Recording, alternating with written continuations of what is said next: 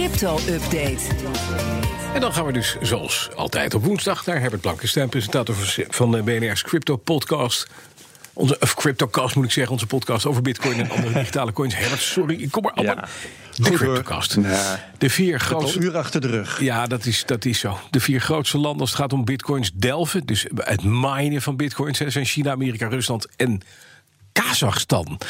Huh? Ik dacht dat het groot was geworden in schaatsen, omdat, ze dat, eh, omdat de president dat zo leuk vond. Maar dit is dus echt een grote, grote mining, eh, een miningland.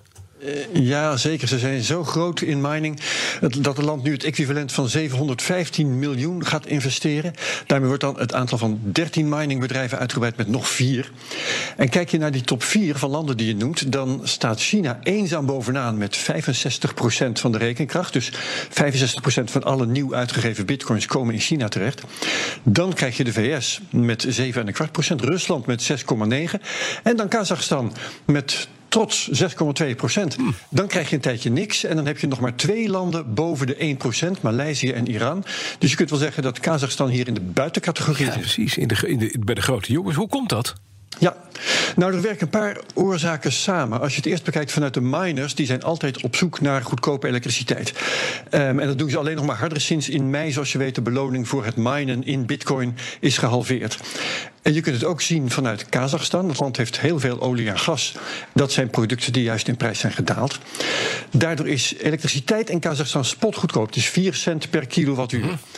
Nou, Kazachstan wil graag olie en gas verkopen. Maar als miners in het land komen zitten en daar elektriciteit afnemen, dan vinden ze het ook goed.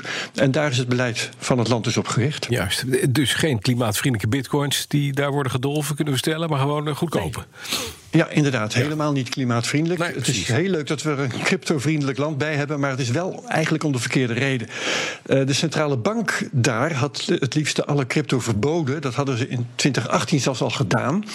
En miners kunnen, wat mij betreft, beter ergens anders overtollige duurzame energie gebruiken. Dan kunnen die kolen namelijk gewoon in de grond blijven zitten.